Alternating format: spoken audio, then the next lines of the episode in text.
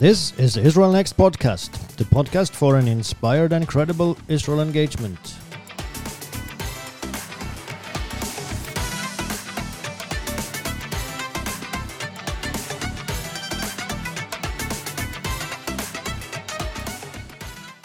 I'm Ruar Sørensen, and with me this time I have Alette. You're back. Yeah, this time it's me. Fantastic. Uh, yeah, actually, last week I found myself all alone in the studio. Uh, no. Strange. yeah, you were you were away, so that's why we one week. So we I'm the one later today. You're the one who's back actually. Okay. So uh, please tell us what have you been up to lately? So uh, I have been out traveling, which is a rather uh, a rare thing to happen in these days. Yeah. Uh, not too far though, but uh, to the capital of Norway, Oslo.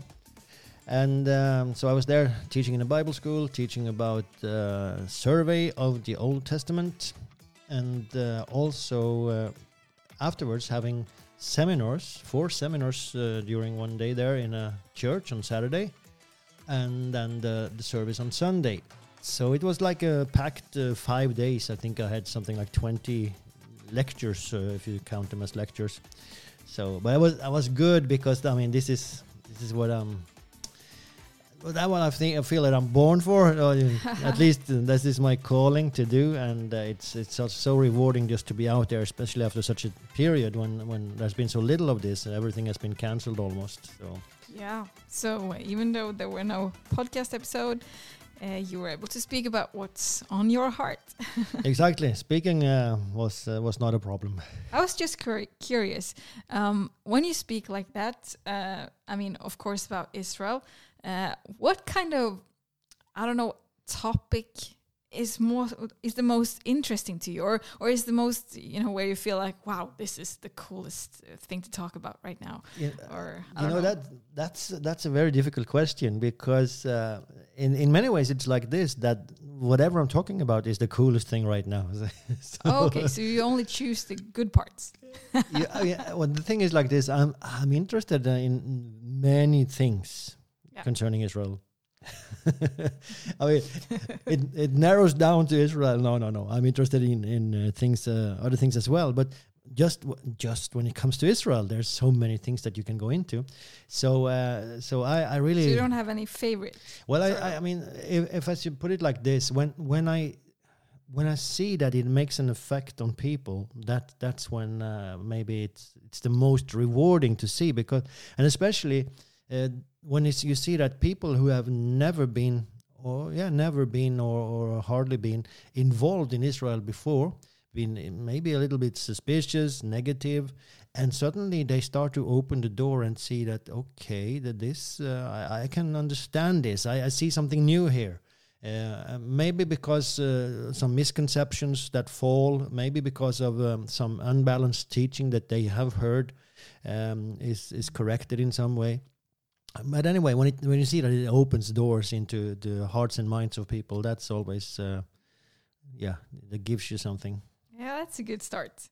Always to uh, broaden the views, and then everyone can, uh, I don't know, check for oneself, check the Bible uh, in prayer and everything, and, and see what way God leads you. true So that's cool. Actually, one um, previous episode, I don't think it was, uh, uh, wasn't uh, the other week, but it was uh, a previous episode anyway. You asked the question, uh, and and the question was, what do you think of when you hear Zionism, the word Yeah. Zionism? And uh, I was kind of wondering, did you ever receive any response to that question? no i was i was just left alone Okay, so we got an answer to that. Moving on.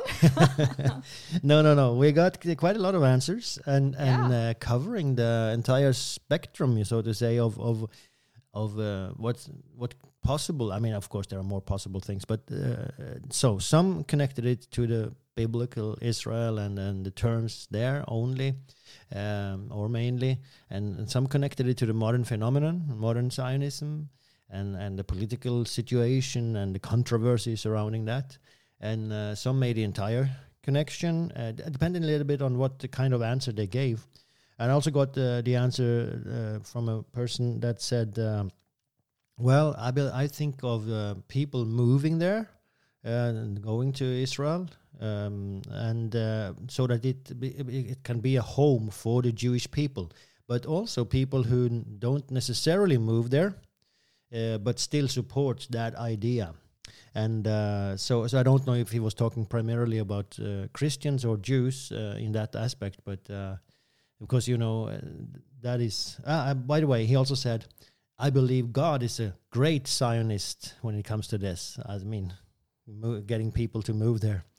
So, um, and I agree completely. Yeah, that's a nice way of saying it. I, I must say that uh, for me, um, if if I mean for a Jew to be a Zionist but remain, for instance, in the diaspora, to live in the diaspora, of course you can do that.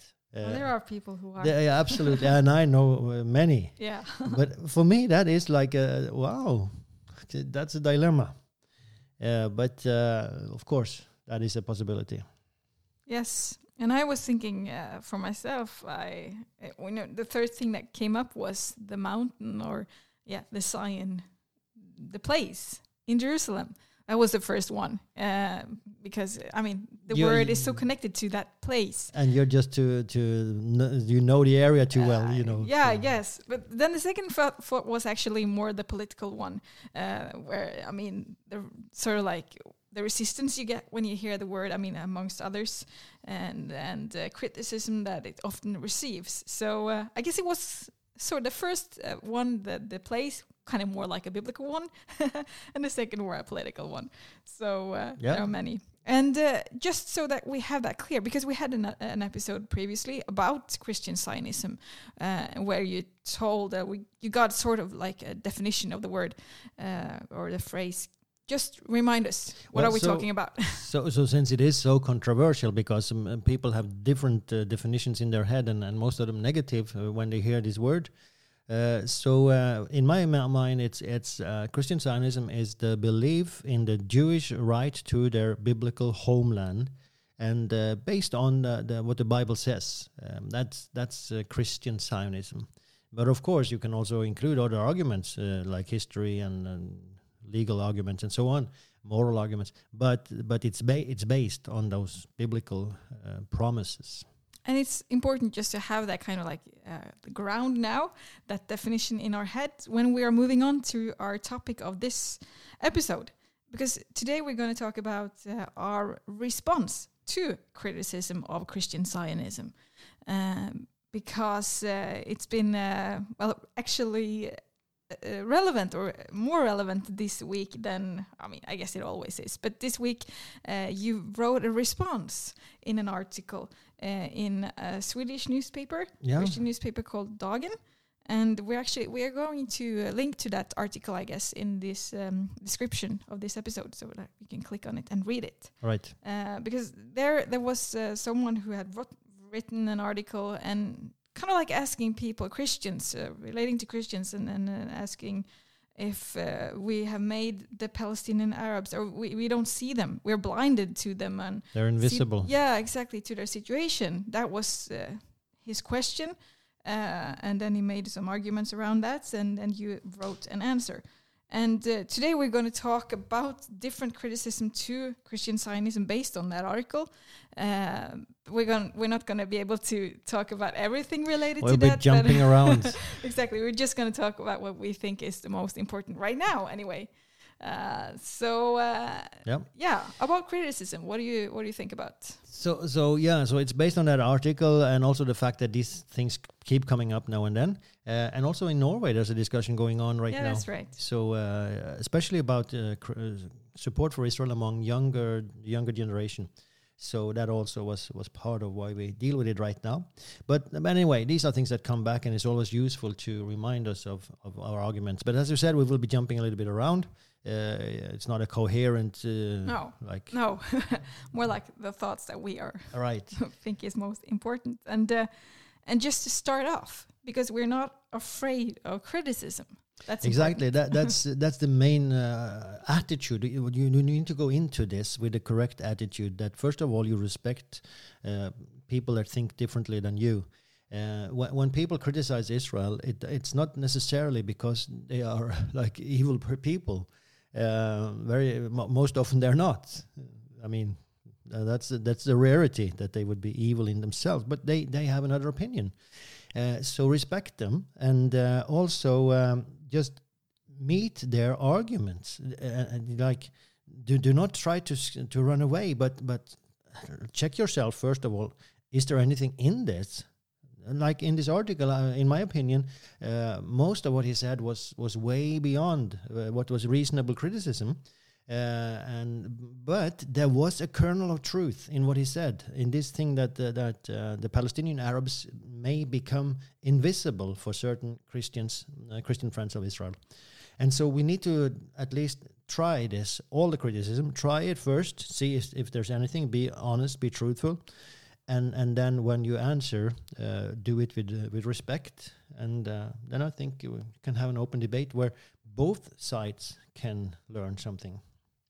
That's important, and that's uh, kind of like the start, where we uh, square one, and then we can move on from there, and kind of like take one argument at a time and look into them. Yeah, and we'll start with uh, what you can say a biblical argument, um, and and and one. I, I see it as a misconception, but uh, of course there is truth to that as well. But it has to do with uh, what is called dispensationalism, and that's a theological term.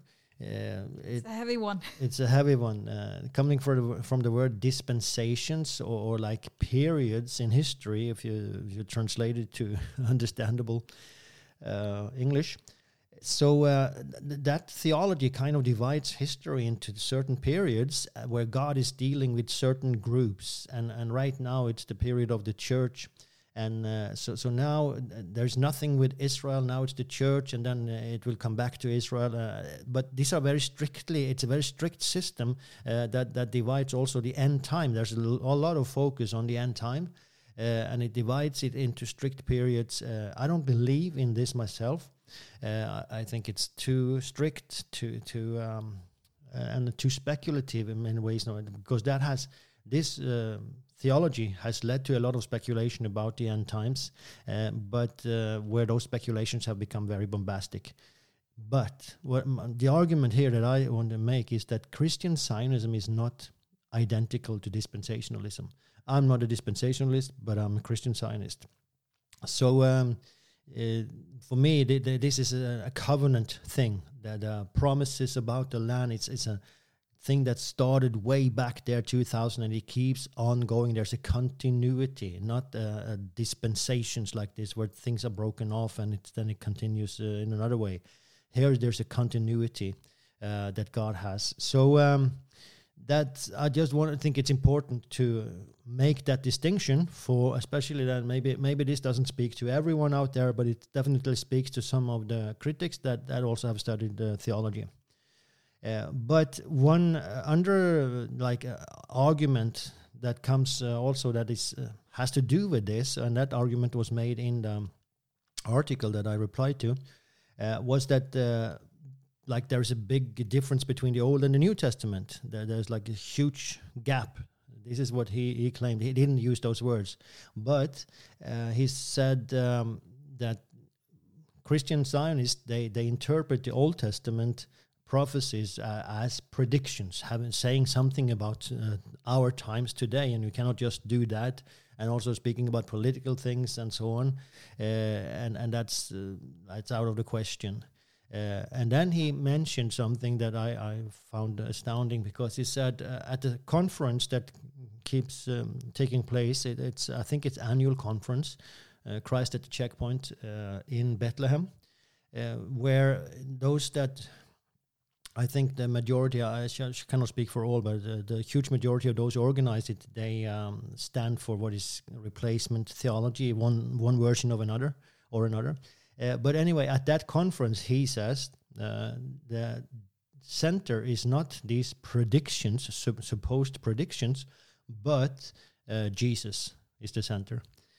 And that was astounding for me because Jesus saw himself as a consequence, a result of those predictions. When he when he wanted to to explain who he was to the two disciples walking to Emmaus, he went through all the books of the Old Testament and said, "This is what is written about me.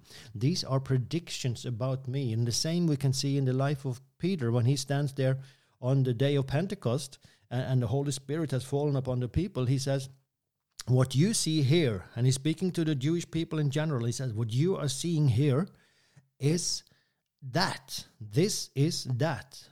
Was that was spoken by the prophet Joel. In other words, he had to point back to something that was predicted that would happen. Otherwise, that crowd, that Jewish crowd, would not have accepted it.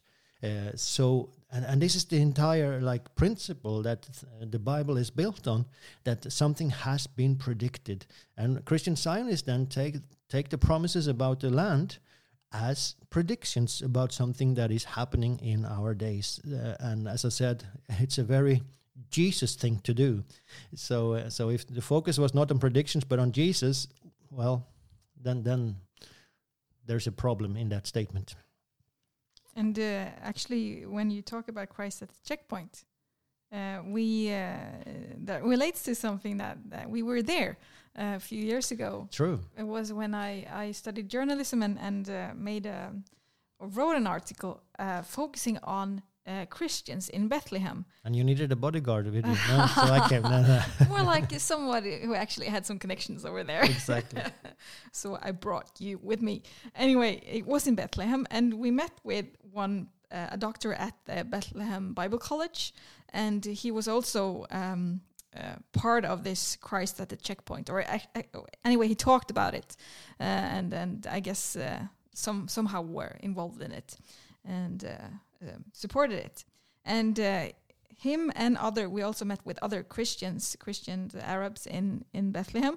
And the focus on the article was about how they the christians have been like a majority in bethlehem for many years. And then uh, now there are they are a minority and and still are like decreasing uh, becoming fewer and fewer. And sort of like just asking about the reasons for this and and how is it to be a christian in bethlehem today? Or today this was like i don't know six years ago maybe yeah, yeah. Not not so much has changed in that respect. no, I guess not. So that's right. Uh, so his name was Salim Munayer, the, the man we uh, talked to. Uh, he was very much focusing on the political part uh, as the reason for this and uh, pointing very much to Israel and how they make life harder for the Palestinian Arabs, uh, Christians as well as non-Christians. Um, and and also we were talking about uh, talking to as i mentioned some other christians in bethlehem and among them were, were like a youth group and and the youth leader was um also talking much about the political part and, and economic and reasons for for christians to move to kind of like find job elsewhere. Um, but there was one of the youth there. She mentioned that it's not so hard i mean so easy to to stand up and, and tell people that you are a christian in university because she was studying at university. And and she said that was uh, yeah that was hard. You you can't just say that and expect everybody to kind of like okay good uh, moving on. Uh, so that's one thing. I mean just being a christian is uh, well according to her anyway not the easiest. And then uh, you can imagine to be like a Zionist Christian is sort of more or less unimaginable. Yeah, it's my kind of out of the question. Yeah, exactly. And as you mentioned, the replacement theology is the dominant uh, for, yeah, I guess for all of those that we talked to. We didn't actually ask many questions about that, but it was kind of uh, hinted to Yeah, uh, yeah. from them. Uh, so that was kind of like an interesting, interesting just to meet them and talk to them. Yeah, because I mean, this is the tradition they they stand in, and and so uh, it's it's hard to blame them, so to say. Uh, that that's not uh, why we were there either. No, But as we as you say, to to be a Christian Zionist in Bethlehem today, it's uh, uh, it's almost impossible um, because of persecutions and so on. And there are uh, doctorates uh, or yeah. Studies that have been made on the persecution of Christians in Bethlehem yeah, during the Christians, uh, not just, I mean, not Christian Zionists, but Christians. Christians in Yeah, general. Exactly. Exactly. Uh, and and the, the reason that it used to be like uh, eighty percent Christian town, and now it's twenty percent Christians that are left. Uh, so th- that is a problem, and it has to do with the establishment of the Palestinian Authority and the persecution that has been against Christians in so many different ways. It's been direct um, threats. Uh, it has been uh, throwing throwing them out of their facilities where they have their shops. It has to do with um, economic uh, boycotts by the Palestinian Authority leadership that they prefer to support uh, Muslim businesses instead of Christian, uh, and uh, so many ways that, that they are disadvantaged. And also rape of their, their daughters and forced marriages and so on. So, so many things have been going on that, that today makes it that population so small. But one thing that that struck me while we were there and, and afterwards thinking about it is that their voice uh, or voices of the, are not so much heard. Uh, and uh, and it was kind of like something I missed. I missed the connection there. I mean, uh, I I think it's a good thing to sort of like try to connect with uh, brothers and sisters uh, that are Palestinian Arabs or there are, I mean, also Israeli Ab- Arabs for that matter, um, and uh, just you know, as uh, just to, to, use the phrase invisible. I mean, they are not invisible, and, and they don't have to be to to Christians or and Christian Zionists. So so that felt like uh, it's it's a tricky thing because um, much of the thing that goes on over there is uh, about I mean political stuff is often mentioned and it's often what what talks about. And it's hard to go from that topic and, and it's especially hard because we won't won't agree. Uh, but just kind of like to know that, that, that we are I mean we are brothers and sisters and, and we respect and love each other and, and kind of like start there and, and not so much um, start with politics yeah. That would be my wish.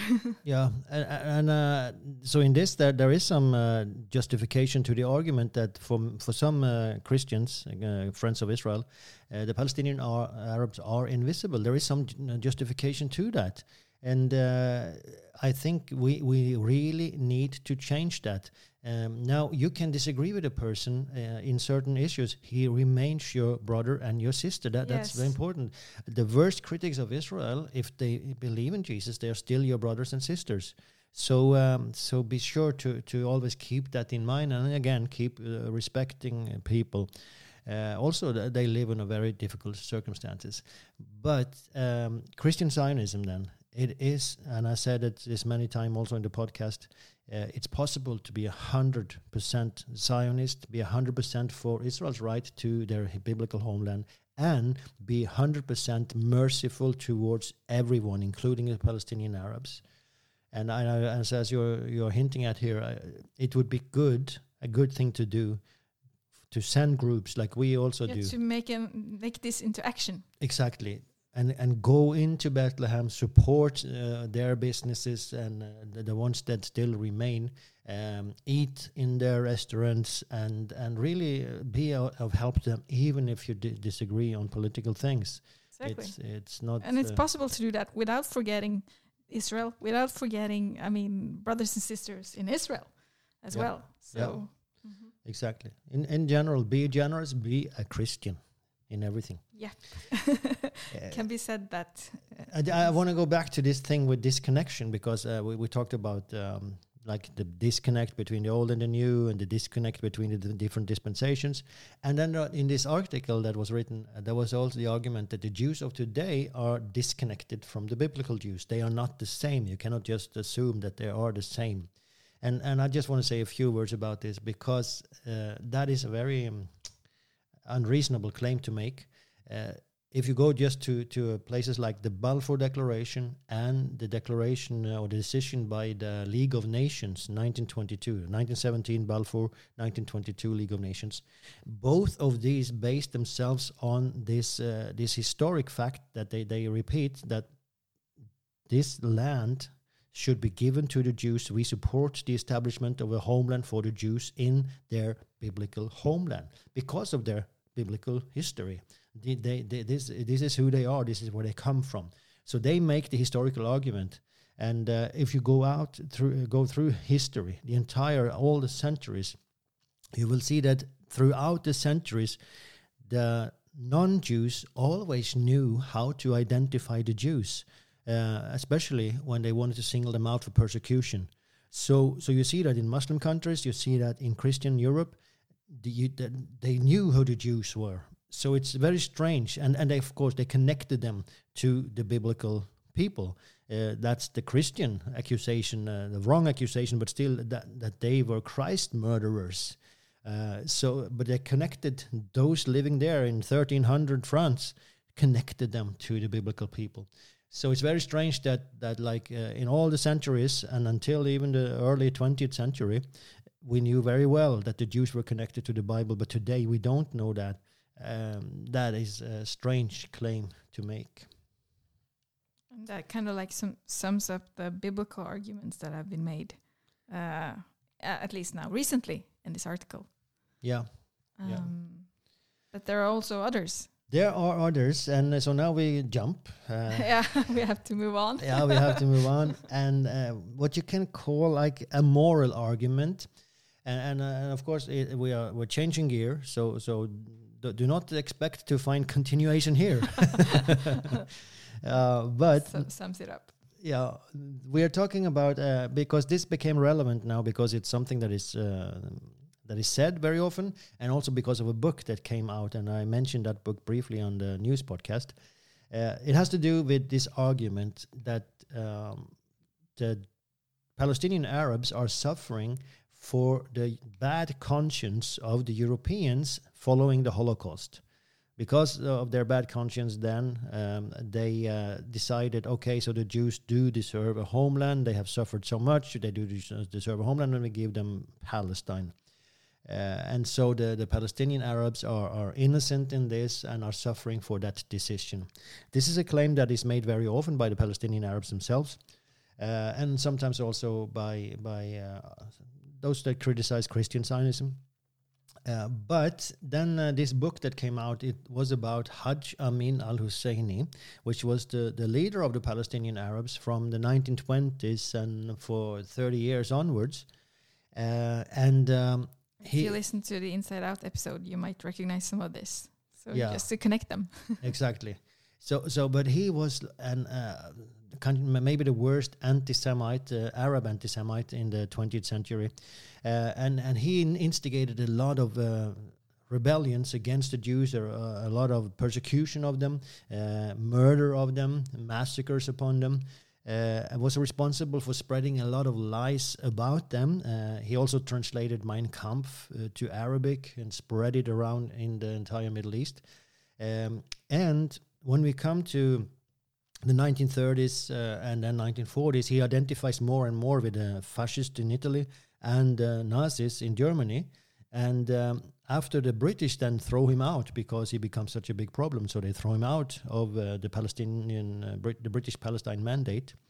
He ends up during the war. Uh, first, he goes to Iraq, where he continues uh, murdering Jews. He, he's responsible for the worst persecution of Jews in modern history in Iraq, the Farhud, where something between 200 to 800 Jews were, were murdered. But then he comes to Germany and uh, meets with Hitler, and as a result, he, he gets an office uh, and uh, 60 employees, and he starts spreading also a radio channel, and he starts spreading uh, through this radio channel anti-Semitic propaganda, Nazi propaganda through from Berlin and to the Middle East, all the Arab countries.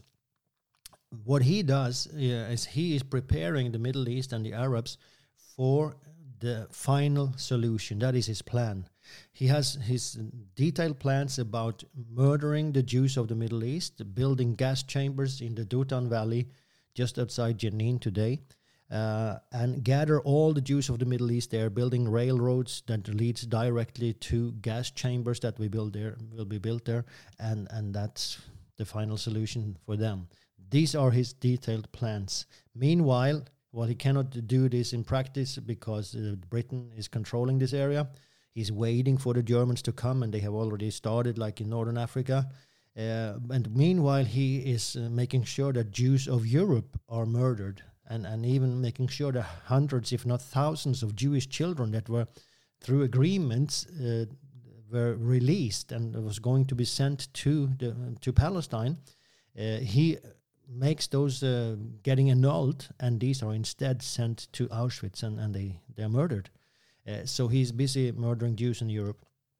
But uh, in the end, the Germans do not manage to take the Middle East. The, the battle at El Alamein in 1942, where Great Britain conquers, uh, um, yeah, the German forces and Italian forces, uh, that becomes in many ways the thing that that saves the Jews of the Middle East. It, I mean, it became, became a turning point in the war. Uh, so Hajj Amin al Husseini's plans never man- manifested. But here you see that this was his program. This was something he did in practice. Uh, so you cannot say that the Palestinian Arabs are like free of responsibility in this. Now you can neither can you say that he represents all the Palestinian Arabs. Uh, I mean that he was not democratically elected in that way, uh, but of course there were many who, who sympathized with him. Uh, and neither can you say that because of that all the individual claims of the Palestinian Arabs are illegitimate. Not at all. They have legitimate claims. But when you today come to a decision and you, and you make an argument in this entire case, it's important that you have all facts on the table because it strengthens or it weakens the moral, the legal arguments, the historical arguments, one way or the other. And so uh, I, I, just think thought that was was worth mentioning here, to um, because it's always uh, is also being used against uh, support for Christian Zionism. And there's also this um, another uh, aspect of it is that when people criticize Israel or Christian Zionism, uh, it is uh, somehow easy to, it seems at least, to kind of like rule out Israel's security threat. Yeah. Uh, to uh, to yeah to to minimize it at least or, ignore it yeah ignore it totally yeah uh, and that is a problem because if you do that you would come to a total different conclusion yeah it, it's, it's like if you compare it with an equation uh, and you take that out of the equation the result becomes very different and and that's what uh, many of the critics of Israel have done. And I, I very often ask this question. It's one of the first uh, question I want to ask to to just check where a person is standing uh, if he's criticizing Israel, do you believe that Israel has a security threat? And very often they would say, no, they do not. It, it's not. They don't have a credible threat. Threat. It's a minimal threat. They, it's not really serious. They, they they might have some formulations of that. But the minute you say that, um, everything that Israel does to protect itself, like checkposts, like security fence, and so on, all these things become unnecessary and become pure evil. Why are they doing these things when they are not necessary? But they are there to protect from terror. So um, that is a huge uh, thing. I mean, uh, because from the critics of Israel, this is absent from their world.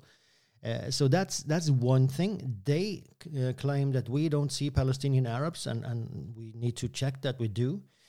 But they do not see the Israelis. They do not see the suffering that the Israelis go through. So th- that is the uh, the opposite argument, so to say. And and also connected to that is that they claim to represent um, the, or, or want the well-being of the Palestinian Arabs, but they do not see and they ignore completely the violations of the Palestinian Arab leadership upon their own people. And as as has been going on the last hundred years, starting with Haj Amin al Husseini, who used uh, the population for his purposes, the same Yasser Arafat did, and and now Mahmoud Abbas and the Palestinian Authority, where they have like they're educating their people to hate, educating them to demand that you should be uh, discontent, you should be uh, wanting to go to Jaffa, to Haifa, and like giving them dreams that are completely unrealistic, uh, advocating for terror and sending their sons and daughters into terror attacks that that kill them. Um, I mean, and then um, running a corrupt regime that has received billions and billions of dollars, uh, but where very little has come to the people itself. So um, I, I, saw this. I, I, mentioned it once, I think, on a podcast. But I saw this report from an Israeli journalist who went around in the Palestinian Authority areas, speaking to Arabs and interviewing them, and uh, with a hidden camera sometimes, sometimes even with the, the camera uh, obvious, and just asking them, so so what do you think about uh, your own leadership? What do you think about Israel? And eighty percent, uh, around eighty percent of them, said they would rather live in Israel than in the Palestinian Authority. So those who claim to be standing for the rights of the Palestinian Arabs, make sure that you really fight their their case. That that because their worst enemy is really their own leaders. And uh, unfortunately, very often you feel that those that criticize Israel, they use the Palestinian Arabs to justify their own criticism of Israel. Their, their main goal is to criticize Israel, unfortunately. And I, I'm not saying that like for a general thing, but very often you can see this. And with some simple questions and, and checking, you can find that answer. Just to check wha- what what their views are on leadership, the Palestinian leadership. And So Yeah. on. So it's just important to kind of like get all the facts on the table and and uh, Before you make your uh, your yes, argument true. I, I want to just make a short uh, like presentation of uh, something that has been going on since the establishment of the Palestinian Authority uh, to illustrate uh, this this security threat uh, that Israel has. And uh, it started when the Palestinian Authority was established. Uh, of course, they received autonomy in certain cities, uh, all the main cities of Judea and Samaria, like Hebron and Bethlehem and Ramallah and Jenin and uh, Nablus and so on. Uh, so they got autonomy there, and Israeli soldiers were not allowed to enter because it was autonomous, according to the Oslo Agreement. So what happened was that terrorists prepared all their bombs and everything inside those cities, and then they went out and they blew themselves up, or or they uh, did their terror attack, and they retracted. If they didn't blow themselves up, they retracted back to the, um, the Palestinian Authority to the cities, and they were protected. So Israel said, we, "This cannot go on. You, you hand them over to over to us," and the Palestinian Authority refused. So Israel then gathered intelligence, and they sent drones, or in, in certain instances even planes, and they took out the terrorists, targeted assassinations. And the world was in an uproar. How can you do this? That they, you need to bring them to court. Well, the, the, Palestinian Authority will not deliver them to us. No, but you cannot just do this. Okay, Israel said. So, so uh, we will stop. And then they said. Uh, then they started sending their commando, their elite soldiers, small groups in to these areas to grab them themselves. But then the world cried out once again and said, hey, this is against the agreement. It's against the Oslo agreement. Yeah, but so is hiding them. Oh, you cannot lie. You cannot do this. The, Israel was condemned again. Okay, so Israel stopped doing that uh, for a while. And now they're back at doing it because it doesn't work. But they stopped doing it because they were criticized. Then uh, Israel uh, said, okay, so we will build checkpoints. We'll put up checkpoints, lots and lots of checkpoints to make sure that these terrorists cannot move freely and not come into Israel. And it caused an outcry in the world again. And said, you cannot uh, build this checkpost because it limits uh, movability, uh, mobility for, for all uh, Palestinian Arabs. Okay, so then Israel said and did build a security fence and said, at least we will not let them come into Israel. Uh, then uh, uh, they would be, uh, the, the settlers, of course, would be less protected if they dismantled all the checkposts, but uh, they, they dismantled some of them uh, and really risked the settlers. So um, they built a security fence, and the world was in an outcry again. And the co- court in Hague said this is illegal, you cannot do this, and, and so on. So and Israel has been trying in so many ways. And then the last thing, or I mean, what they asked also was the international community: Can you then make sure that the Palestinian Authority does not support, does not encourage, does not educate to terrorism? And uh, they got like a mumbling answer from that, and and this is still ongoing. So. Um, whatever Israel tried to do, the world was always in an uproar, but they never provided an answer. What can you do? How should you fight terror? So uh, th- this is really uh, a dilemma that that Israel uh, is in, and uh, well, th- so the, the, at least in the in the international community, the rights of the Palestinian Arabs are very important, but the rights of the Israelis to life, because that's what the, they risk. They risk their own lives. That's not so important. Oh, and it's important then to shed light on this, just to, I mean, uh, take this uh, and, and and and mention it, and, and yeah, shed light on it, just to because I mean, I guess people are not really aware of it because they, or uh, not everyone, but many, they see the situation that is um, often mentioned in the media where.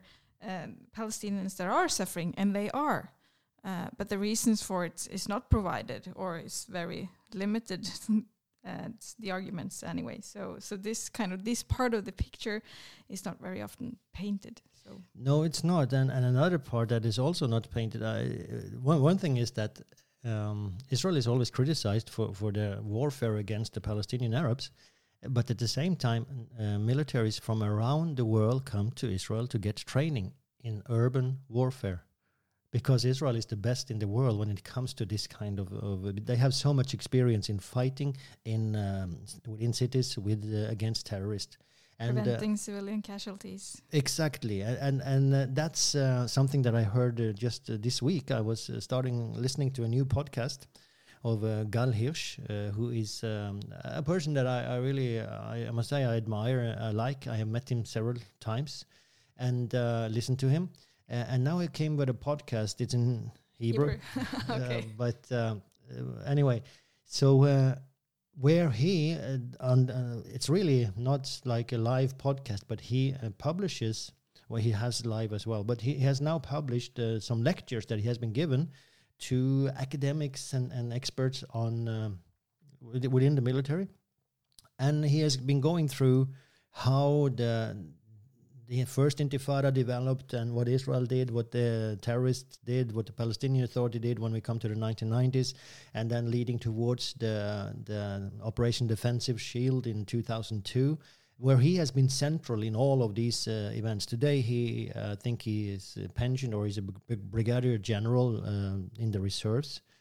But uh, anyway, so he has been giving these lectures and he has been talking about the difficulties that Israel has been facing when, when st- standing opposed to a group of terrorists that hide among the civilians. And so it's not defined as a war anymore. It's defined with many different terms asymmetric warfare, urban warfare, low intensity conflict. There's a lot of words for this, but none of them gives the clear rules for, for what you can do and what you cannot do. So it's a, an enormous dilemma. And international law, of course, is not up to uh, like that hasn't like been made to to decide in these matters. So uh, Israel, in many ways, becomes like a laboratorium even here on what uh, can be done and what cannot. But uh, anyway, in these lectures, he, he said that we we have, of course, the firepower to conquer them. We, we, we can defeat the enemy. It's not a problem. But it would cause also a lot of civilian casualties. And so we refuse to do that because that's not who we are. We have a tradition that we are part of, the Jewish tradition, going back to the Bible, the Jewish tradition, where we value human lives and uh, we have the moral code of the IDF, and um, this is this is who we are. We refuse to fall into that ditch that they have fallen into, where there is no moral rules anymore. And it was just so so refreshing and good. I mean, I knew these things, and you see it in practice every day how Israel is fighting. But it's just so good because he is not speaking to the media. He is not speaking to foreigners to to justify uh, the IDF's. Um, methods. He's speaking to his own people and he's saying, This is who we are, and that's what we do. So, uh, of course, this puts Israel in, the, in a dilemma because since they have the power to defeat the enemy, but they, refu- they, refuse to do it because they don't want the civilian casualties, what happens is that their own civilians end up in the fire zone. The rockets from Gaza that keep coming, and whenever the terrorists feel that they want to do something like that, uh, they have been terrorizing the southern parts of Israel for 20 years. For 20 years, and they have had the ability to make an end of it, but they haven't done it, and instead the population is suffering. And you understand the dilemma. But um, this is something also that uh, is not being presented in, in the Western world. Oh, Again, very interesting. That is not, yes, as you, as you said, it's not uh, giving a lot of uh, space in the media or elsewhere. But just to conclude, then, uh, our response to criticism of Christian Zionism, I mean, that we believe that Christian Zionism is not a contradiction in terms. Actually, it's the opposite. Uh, based on what we just mentioned, based on the biblical, exactly, it's a biblical arguments to that. There are actually moral arguments to that, and uh, also political. And uh, just to just sum it all up, that Christian Zionism can. I mean, it is biblical. it is biblical and it is a moral thing it's a moral position so uh, but but you have to to make sure and check yourself that you haven't fallen into the ditch of, of making the palestinian arabs invisible and and so on so Exactly, because uh, as a Christian, which is one part of this term, I mean, Christian Zionism, you love all, you love everybody, exactly everyone just as much. So, yes. So, I guess this brings us to the Bible verse of this episode. it does and and it's a wonderful verse and some some have called it like the the the little bible of the old testament um, summarizing very much uh, the message. And it's from um, micah 6 and verse 8 he has shown you o man what is good and what does the lord require of you? But to do justly to love mercy and to walk humbly with your god and i just I just love these words. I mean, it it it's, uh, fits exactly with what we have been talking about. He has shown you uh, what, what is what is good and what the Lord requires of you. He has already shown us. And what is it? To do justly. Now, in order to do justly, you need to to have correct knowledge to, to make the right decisions, and that is based on knowledge. So, as we have been talking about, you need a complete picture to make right decisions. Do justly, to love mercy. Ah, yes, that that is. I mean, that is so biblical thing to do. Be Powerful. merciful, hmm and to walk humbly. That's something we should always do. Walk humbly with the God, with our Lord. I think we all can improve on that, every every one of us. Definitely. Amen to that. So I guess that's what that what was what we wanted to bring uh, forth in our response to Christian Zionism this this time, and I guess it's uh, it's a theme or a topic that we will come back to a few more times. Yeah, I guess so. Some of these things. absolutely. So um, we uh, thank you for having been with us in this, like uh, Yeah, jumping from topic to topic. Hope- everyone and all listeners for for listening and we hope that this inspired and gave some answers or yeah more more answers or more thoughts. Yeah. and if you think it can inspire more people just share it. Please So, please do. and um, also you can support our work. If you want to do you go to our website uh, israelnext.com and you press give. Um, that's it. Thank you so much. And until next time say something good about israel